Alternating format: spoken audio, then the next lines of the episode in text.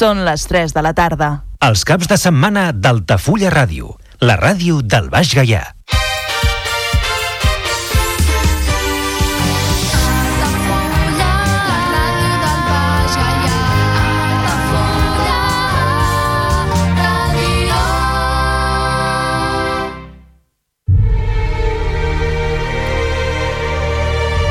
Parlem d'aquell cinema?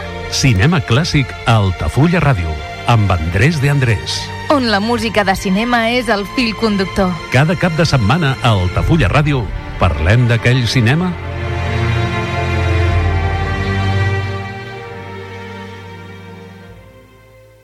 Els parla Andrés de Andrés amb l'espai radiofònic Parlem d'aquell cinema. Aquest espai és això, parlar d'aquell cinema, coses que han passat, coses que s'han viscut, anècdotes, històries, músiques, de tot una miqueta. També del cinema d'animació. En el cas d'avui ens posarem amb una pel·lícula de Walt Disney i sentirem la seva banda sonora original en espanyol. La pel·lícula és Blancanieves i los siete nanitos, Blancaneus i els set nanos. Això és repassant el cine clàssic de Disney des del seu primer llargmetratge animat, que va ser precisament Blancaneus, fins als èxits dels nostres dies, però avui parlarem només de Blancaneus.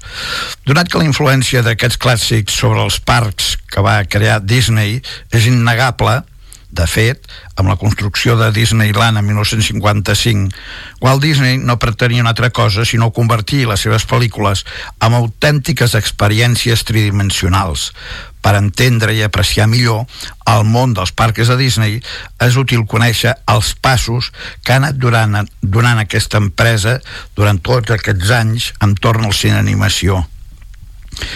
Com he dit, el primer llargmetratge de Disney va ser Blancaneus, que es va produir l'any 1937. Aquest clàssic de Disney gira al voltant de la història d'una vella, una bonica jove, Blancaneus, que es veu obligada a escapar del castell on viu perquè la seva dolenta madrastra no suporta que sigui la nena més guapa que ella la protagonista Blancaneus eh, s'escapa de les mans del seu butgí, es refugia en una cabana que hi ha al, al, al més profund del bosc i allà resulta que hi viuen set nanos.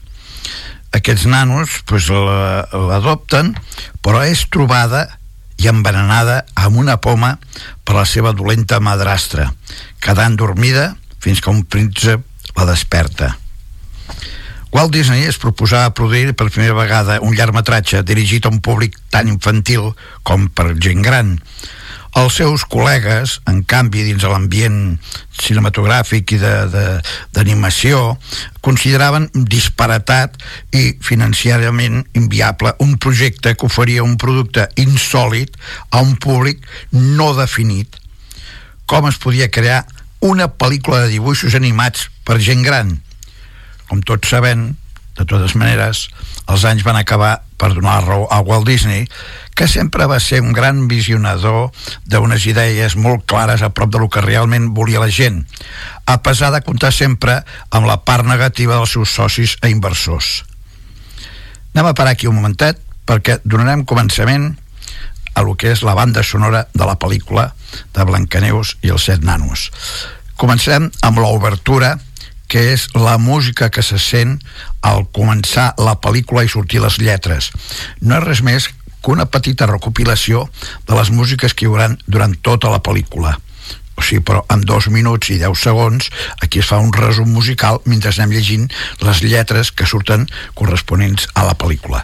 Anem a sentir l'obertura de Blancanieves i los siete nanitos.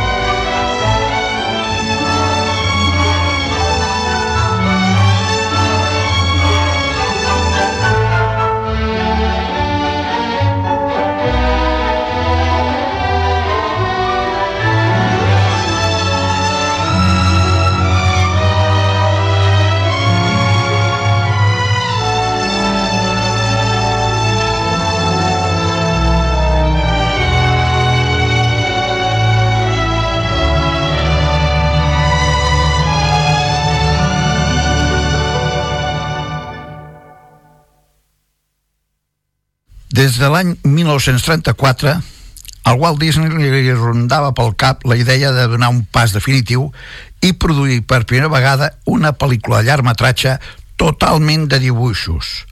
Així bé sabut pels nostres oïdors, quan amb aquest home se li posava alguna entre cella i cella, generalment acabava sortint-se amb la seva. La seva ambició era crear un producte refinat on personatges reals es barregessin amb els seus fantàstics dels contes de fades, amb el seu habitual fauna i flora, i que les seves possibilitats hagin, en fi, entrat conscienciudament amb la seva sèrie d'animació que es deia Sinfonies Tontes, que era Silly Symphonies. També pretenia recolzar la seva obra amb una atractiva banda sonora amb melodies cantades iguals o superiors a les que triomfaven amb Broadway, amb aquells teatres, amb aquells musicals que s'estrenaven de cara al públic, que per aquella època triomfaven. Per últim, els personatges, en aquest cas set grassonets nanos carregats de personalitat cadascú tenien que tindre pues, com diria jo pues, un, una base estable que permetés la comercialització de ninots i joguets amb facilitat, amb tot tipus de suports. O sigui, algo que havia sigut un, en fi, una cosa difícil en el cas de, del que va ser el, el llarg eh, conegut Goofy, un dels principals casos de mercantishing, algo que ara s'ha tornat molt comú basat en comercialitzar ninots i de més joguets relacionats amb els personatges d'obres i d'exitoses pel·lícules, però perquè en aquella època era algo bastant desconegut fer aquest comerç. Blancaneus va tindre al principi un pressupost inicial de mig milió de dòlars tota una fortuna en ple col·lapse financer. Recordem als nostres oïdors que el crash que es va produir a Wall Street va desembocar amb la Gran Depressió que es va produir l'any 1929. Walt Disney es va veure obligat a enfrontar-se amb el seu germà Roy, el més sensat dels dos, qui no creia sota cap concepte en tan disparatada aventura. En realitat, la inversió final de Blancaneus triplicaria el pressupost inicial establert. Per això, a l'estut i fent agudíssim Walt Disney veure obligat a encandilar a la dona del seu germà regalant-li un collar i una pulsera de brillants perquè convencés amb el seu marit per donar llum verda al projecte que Walt Disney tenia en ment. Aquí ens trobem després que la United Artist es va negar rotundament a financiar la primera etapa del projecte amb un adelanto contra els hipotètics beneficis. Ningú creia que això pogués donar beneficis. I per obtindre fondos, Disney es va veure obligat a firmar un nou contracte de distribució exclusiva dels seus curtmetratges amb la RKO, que a la llarga li va resultar molt rentable. La càmera multiplà estrenada amb el rodatge d'aquell curtmetratge que és El viejo molino, pel·lículeta de l'any 1937, va permetre a Walt Disney filmar una mateixa escena amb una profunditat mai vista abans amb el cine i molt menys amb el cine d'animació que consistia en posar uns dibuixos en primer pla, uns altres dibuixos a darrere i uns tercers si era necessari a darrere de tot. Llavors es col·locava la càmera i es començava a filmar allò i movent els planos aquests independents doncs aconseguia una profunditat de camp encara molt més gran. Anem a sentir una altra peça de la pel·lícula. Aquí ens trobem que hi ha la, la reina que està davant del seu mirall màgic i li pregunta qui és la més guapa, la més maca, la més bonica del reina i aquí s'emporta un, un, xasco a va ser bé perquè el, el mirall li diu que la reina és maca però Blancaneus encara ho és més. Anem a sentir el fragment musical d'aquesta escena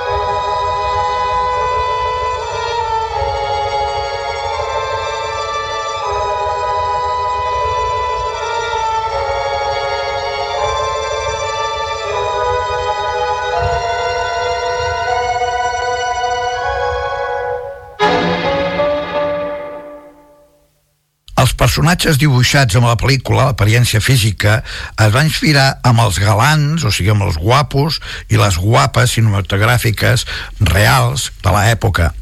Així, per exemple, Blancaneus es va basar en la primera etapa amb el cine de l'artista Janet Gaynor, mentre que pel príncep eh, fi, mm, volia que ens inspiréssim amb Douglas Fairbanks de 18 anys Douglas Fairbanks va ser un gran actor de molta lleugeresa, uns salts acrobàtics tremendos. I bueno, aquí van voler que s'assemblés a Douglas Fairbanks i la reina tenia que ser una barreja de Lady Macbeth. I Lady Macbeth i el llop feroz això va sentenciar Walt Disney imposant una vegada més la seva fèrrea voluntat. Això s'hi va dir amb els seus ajudants dibuixants. Després de molts esbossos i estudis, el príncip va resultar ser un galant adulcorat i fràgil, mentre que per la seva part la malvada reina va lluir la silueta de Greta Garbo i el, les galtes de Joan Cranford, dos celebritats a la pantalla en aquella època. Pel doblatge de Blancaneus, tant la seva veu com les seves cançons, es va pensar amb Diana Durbin, però l'elecció definitiva va recaure sobre la soprano italiana Adriana Caselotti, ja que, segons Walt Disney, Diana Durbin era ja massa madura pel paper de Blancaneus. Finalment, aquesta pel·lícula de Disney va resultar ser una fita amb la història d'èxits a la Radio City Music Hall i la pel·lícula més taquillera de la història fins que va arribar Lo que el viento se llevó a 1945 i va recaudar més diners. A l'èxit de Blancaneus es va, es va en fi, jo crec que aconseguir, sens dubte, a la, a la combinació que es va fer de diversos factors. A l'encant i la personalitat dels set nanos d'unes eh, caretes eh, sonrosades, a unes galtetes. Després, la troballa d'un tenicolor sabiament utilitzant quan encara aquesta tècnica estava amb els seus començaments. Després, a l'imponent i, i esgarrifós castell contraposat a la petiteta, bonica casa dels nanos que s'inspirava amb les il·lustracions alemanes de contes. O sigui que es van basar, ja dic, en uns llibres de contes alemans que hi havia les casetes del, dels gnomos, dels, dels nanos, i es van basar en això. I també el, el, el gran cuidado en buscar la banda sonora en reconeixement a la innovació que va suposar aquesta pel·lícula pel món del cine, Walt Disney va rebre l'any 1939 un Oscar de tamany real junt a set estatuilles en miniatura que simbolitzaven amb els set nanos. Anem a sentir ara un altre tema de la pel·lícula. Blancaneus està al jardí del castell davant d'un pou i comença a cantar una cançó romàntica pensant en un possible amor que encara no li havia arribat i a vegades que sentirem un, un eco i és el retorn de la seva veu del fons del pop del pou i també sentirem el, el, el murmull de, de, dels coloms que estan al seu voltant perquè ella és amigueta de tots els animals. Anem a sentir aquesta peça que es diu Deseo o Una canción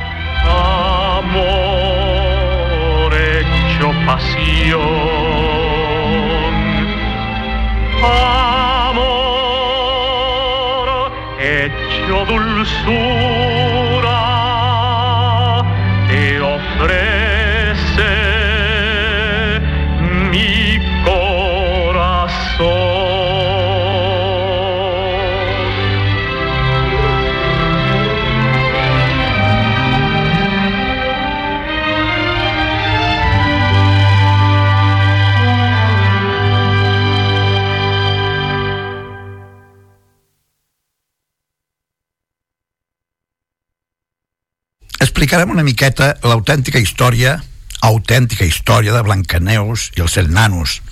Això és, un, una recopilació que va fer Julieta Ruiz, una periodista, i ho va publicar-ho el 21 de desembre de l'any 2015 perquè, en fi, ens fessin un cabal de vegades les idees com surten per fer unes altres idees. Diuen que la pel·lícula de Disney és una adaptació del conte de fades dels germans Grimm, però d'on van prendre la idea de la bonica princesa i els nanos?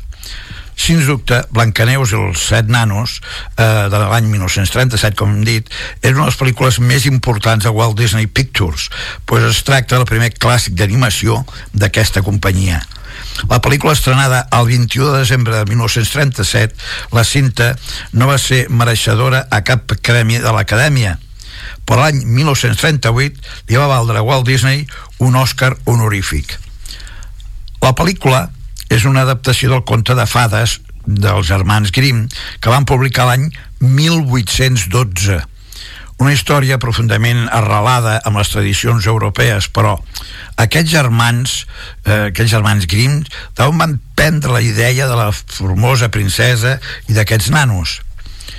Pues existeixen diverses explicacions sobre l'autèntica història de Blancaneus. De totes maneres, va ser l'historiador alemany Karl-Heinz Bartel qui va dedicar més de 10 anys a la seva vida a intentar arribar al fons d'això i els seus descobriments van ser impressionants.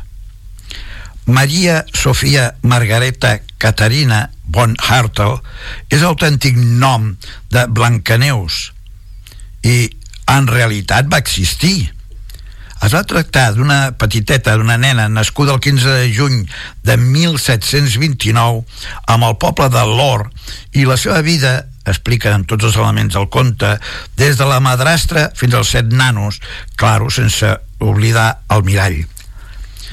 Quan Sofia havia complert els 12 anys la seva mare va morir. Dos anys després el seu pare condestable del territori de Cormains, es va casar amb Clàudia Elisabet Maria von Benningen, condesa imperial de Richestens. De totes maneres, el sembla que la relació entre el jove i la seva madrastra no era tan dolenta com la del conte s'explica.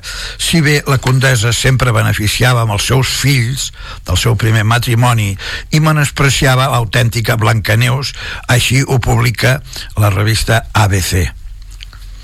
La nena era molt jove, bonica i molt noble, sempre caritativa amb les persones necessitades, però que els habitants del poble li tenien molt carinyo i passava els dies envoltada de nens desnutrits i envellits prematurament pel, en fi, pel treball tan fort que realitzaven a les mines de ferro. Aquests nens, que vestien llargs abrics i gorros, acabaven convertits en els enanos del conte. Estem barrejant aquí la realitat amb el que es va transformar després amb el conte. Per si fos poc, deixi'm dir que si el mirall, el mirall aquest també va existir. Va ser un regal de noses del pare de Sofia per la seva segona dona i té una mida de metro i mig i no parla, però té una particularitat de repetir el que es digui enfront d'ell degut a un efecte de reverberació.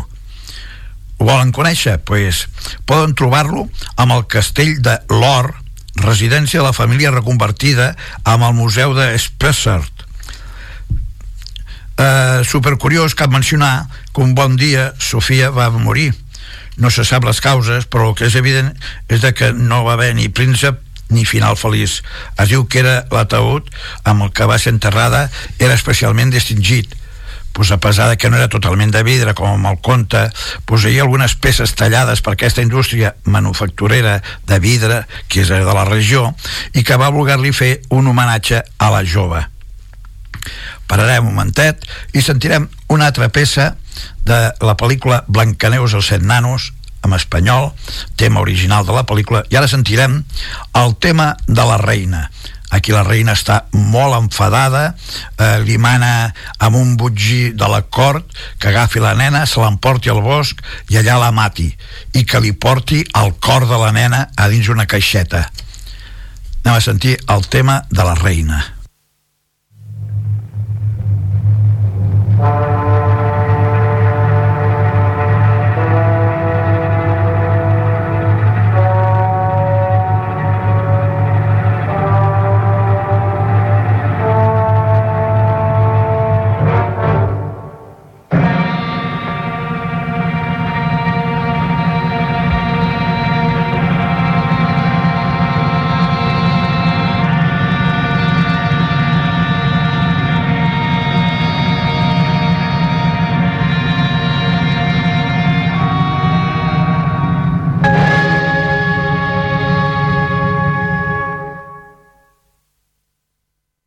Aquí tenim algunes curiositats sobre l'Encaneus i els set nanos.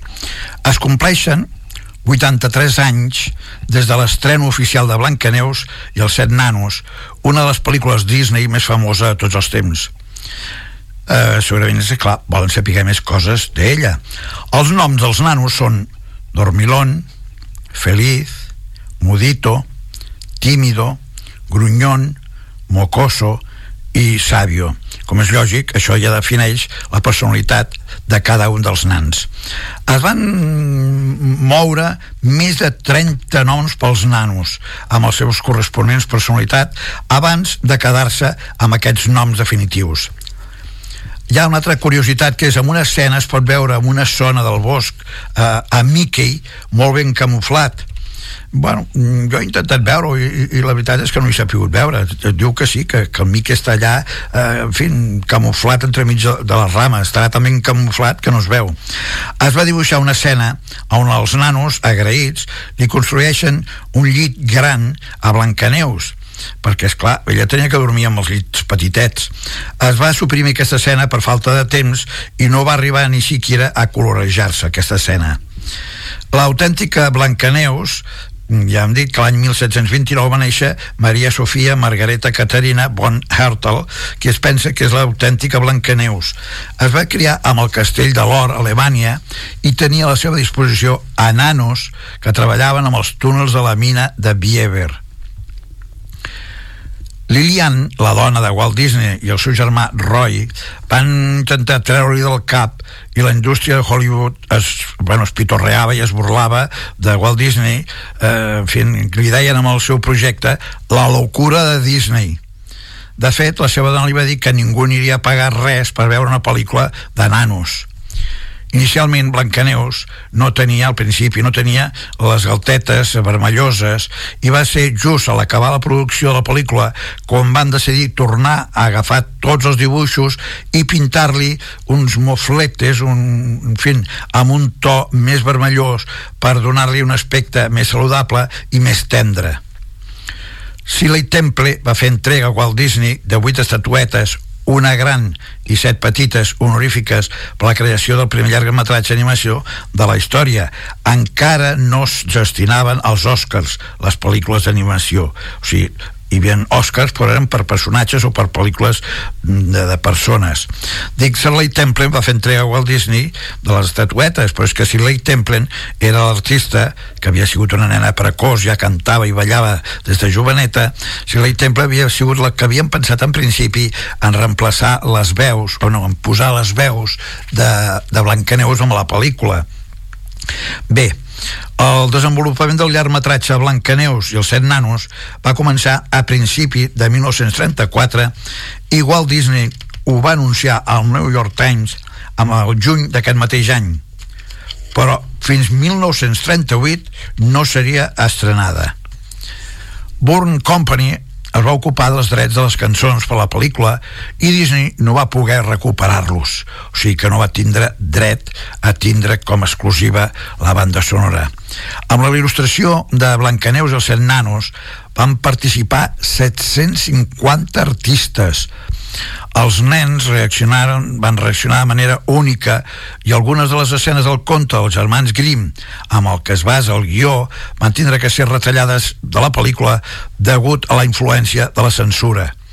Això va ser el que va passar. Per exemple, amb la mort de la mare de Blancaneus, pues aquí no surt la mort de la mare de Blancaneus. A més moltes persones tenien eh, tenien molta por de que l'animació fos massa espantosa pels nens. Aquestes opinions eh, semblaven tenir una base sòlida ja que després de l'estrena de la pel·lícula el vellut dels seients va tindre que ser canviat els menors en tenien tanta por veient, veient a la princesa al bosc que es mullaven els pantalons. I lògicament pues, el, el forro de, dels seients. Blancaneus no, mai més va poder tornar a cantar. Blancaneus en referim la que va posar la veu per la pel·lícula i això va ser a causa de les seves exigències específiques relacionades amb el paper principal de la pel·lícula. A Walt Disney li, li va tindre molt de temps a triar la seva Blancaneus. La jove actriz mm, actriu Jana Durbin, que només tenia 14 anys quan es va presentar a les audicions, però va ser rebutjada degut al fet de que la seva veu sonava massa madura, semblava ja d'una noia ja massa gran. Al final, el rol li va ser eh, en fi, donat a Adriana Caselotti, que hem dit també abans, una noia de 19 anys que practicava el cant clàssic i va acabar convertint-se en el que desitjava ella amb la seva vida. Això sí, preocupat per reservar la veu de la primera de les seves princeses, Walt Disney es va assegurar mitjançant una de les clàusules del contracte de que la noia Caselotti mai més tornés a cantar amb les pel·lícules. O sigui, aquesta noia podria fer cine, podria fer ballet, podria fer circ, el que volgués, però mai podria cantar en cap més pel·lícula. Anem a parar un momentet, anem a sentir un altre tema, i ara aquí ens trobem de que Blancaneus eh, quan es troba sola amb el Butgí el Butgí té, té carinyo amb la nena li sap greu tindre-la que matar i llavors li diu mira, jo et venia aquí per matar-te però et deixo anar perquè te'n vagis cap endins del bosc, allà trobaràs animalets, trobaràs menjar el que sigui, però jo no et puc matar. O sigui, no tornis mai més al castell. El tema que sentirem ara es titula dentro del bosque.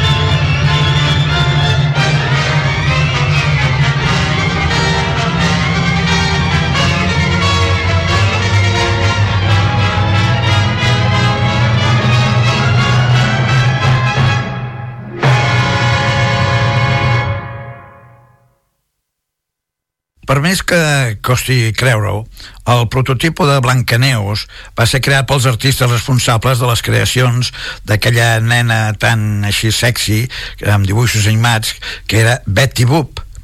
La princesa al principi tenia els llavis vermells i ben marcats, les, les eh, pestanyes llargues i la vestimenta algo més curta, o sigui, per sobre del turmell.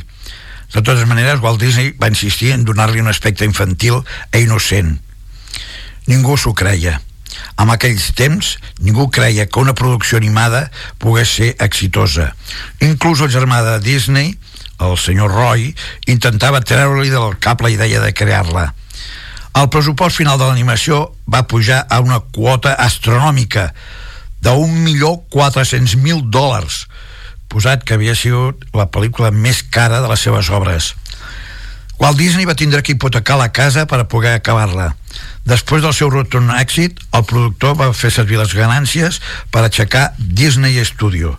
Així que podem pensar que l'exitós castell de Disneylàndia és una metàfora del dit mig posat amb el visionari cap a tots aquells que no li donaven crèdit.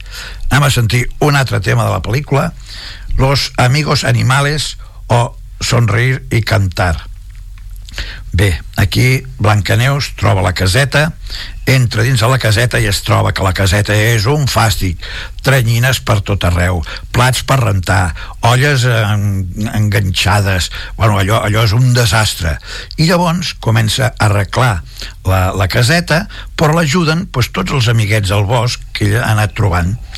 I així, en fi, mm, comença Los amigos animales, sonreír i cantar. Però també això passa perquè ella les coneix, que estan hasta al bosc, i quan ella es desperta després de passar una nit a uns tremolors tremendos perquè les rames, les branques dels arbres li semblaven fantasmes, el vent li semblava l'alea de monstros, doncs es queda dormida i quan es desperta es troba tot d'animalets que estan al seu costat aprenent com és aquesta, aquella persona que està allà amb ells i que no els hi vol fer mal. Escoltem Los amigos animales, sonreír i cantar.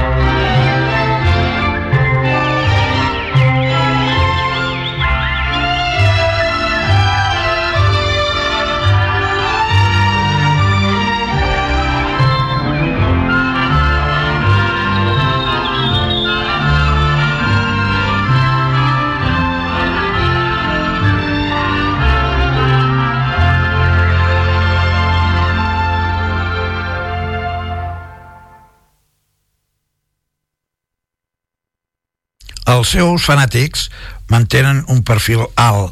Moltes persones famoses per les seves, en fi, èxits amb el, tot el planeta van admetre ser fanàtics de la història de Blancaneus.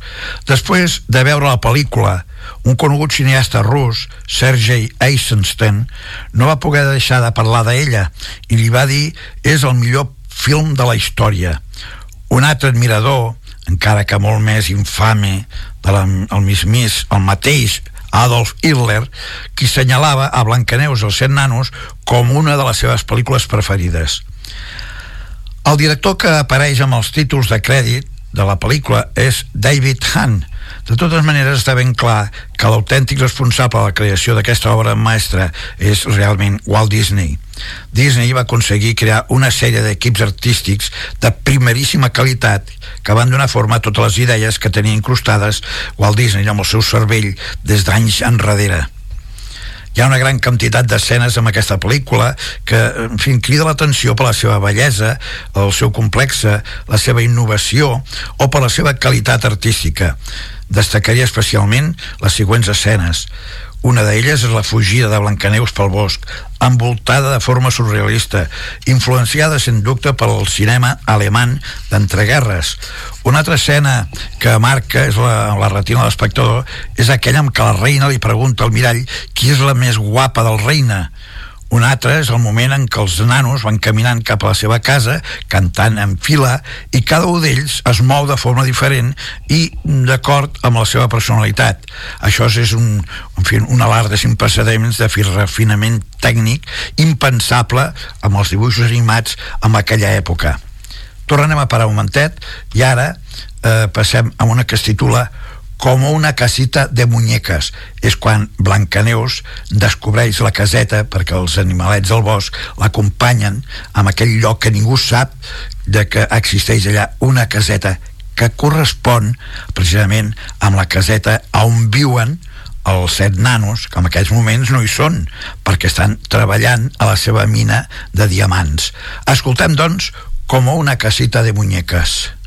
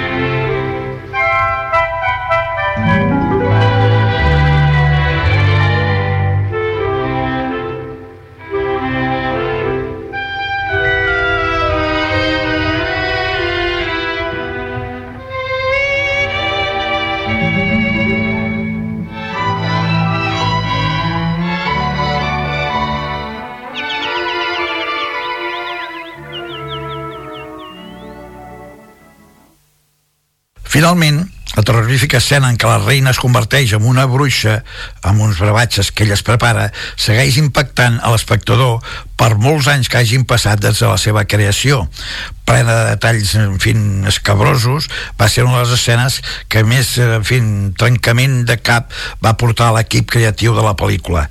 Una de les pegues de la pel·lícula és el fet de que cada personatge va ser creat i animat per un equip diferent de persones, forma de treball que es manté amb l'actualitat amb moltes pel·lícules d'animació. Això el que fa que cada cosa tingui una personalitat diferent per haver sigut presentada per diverses persones diferents. El que fa que es percebeixin notòries diferents de qualitat i estil entre els personatges. Així, per exemple, els nanos són un prodigi d'animació, expressivitat i detall. De totes maneres, tant Blancaneus com el príncep, a pesar del seu estil figuratiu, tenen uns moviments poc naturals i semblen figures de museu.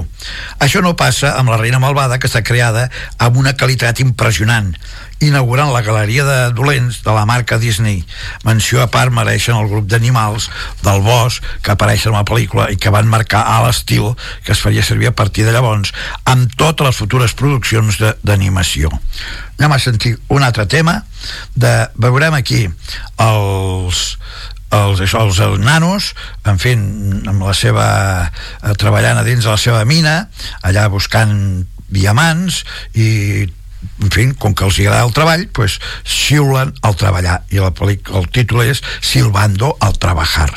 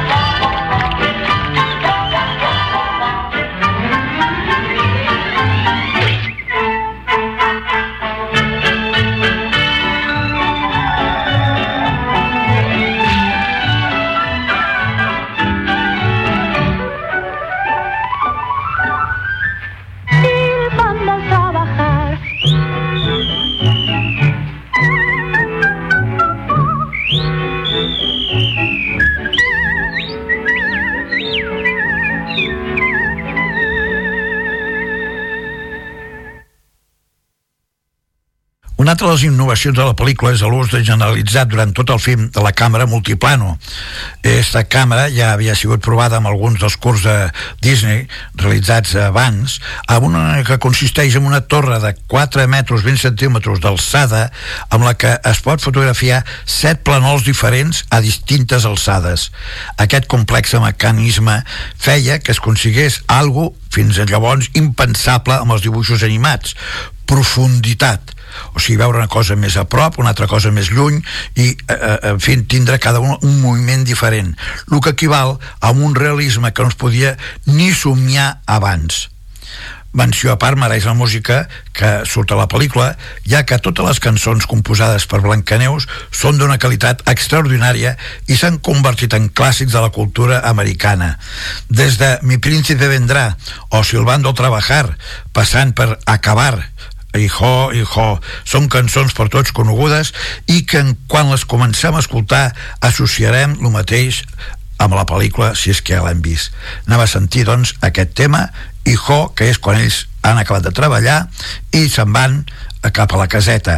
Hi ha un detall curiós perquè la mina la tanquen amb una porta amb que porta, en fi, un pany i agafen la clau del pany tanquen la, o sigui, agafen la clau, tanquen el pany perquè ningú pugui entrar, però deixen penjada a la porta la clau. O sigui, un detall curiós i anecdòtic, en fi, de la innocència d'aquests pobres nanos. Doncs anem a sentir Hijo. Cavar,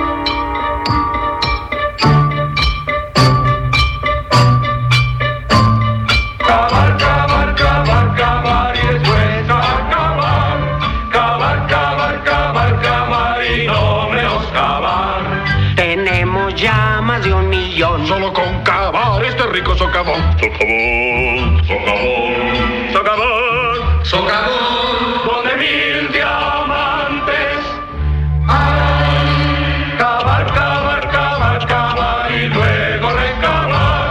Cavar, cavar, el cuento es el de nunca acabar. Para aprender bien a escarbar. Muchos años hay que practicar, pero al saber escarbar muy bien, sabremos muy bien cavar.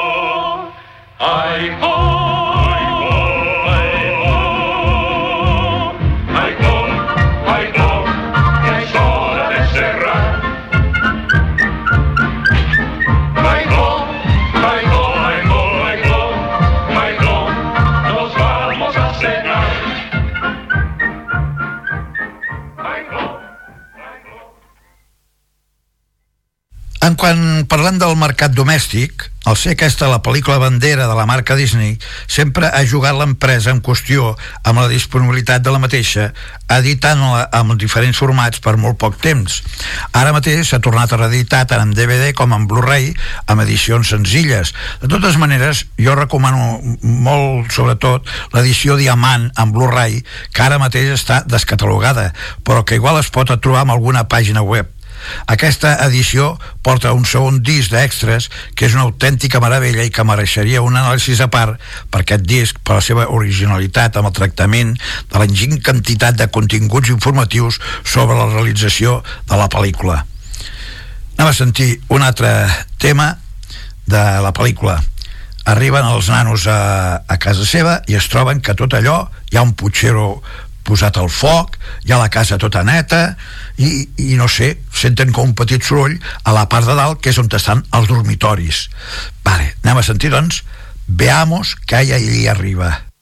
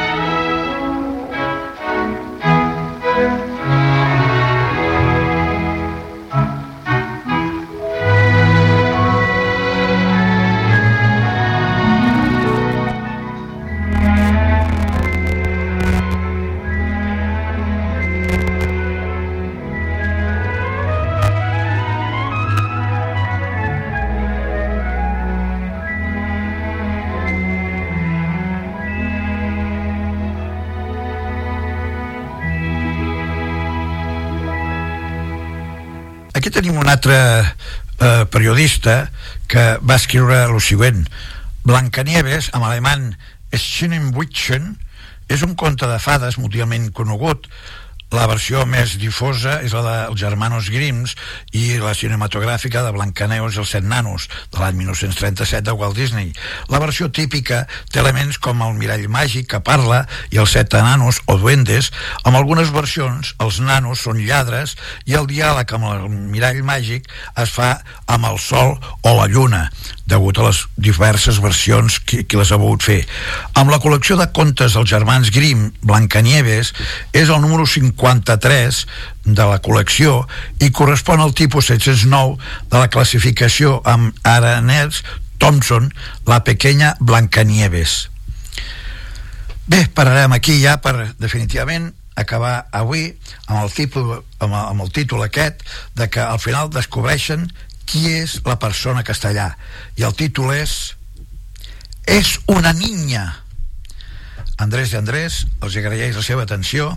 Espero que vulguin sentir la continuació de Blancaneus i els set, els set nanos que els hi tornarem a explicar en una altra ocasió. Fins la pròxima si Déu vol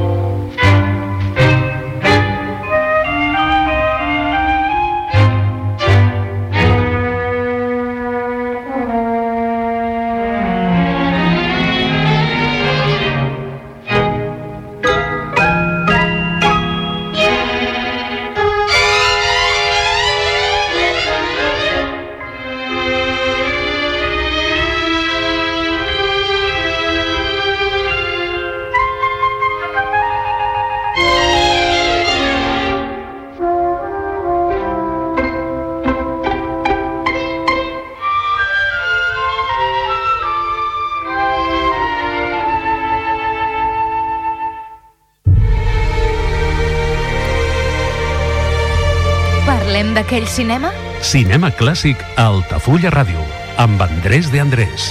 on la música de cinema és el fil conductor. Cada cap de setmana a Altafulla Ràdio parlem d'aquell cinema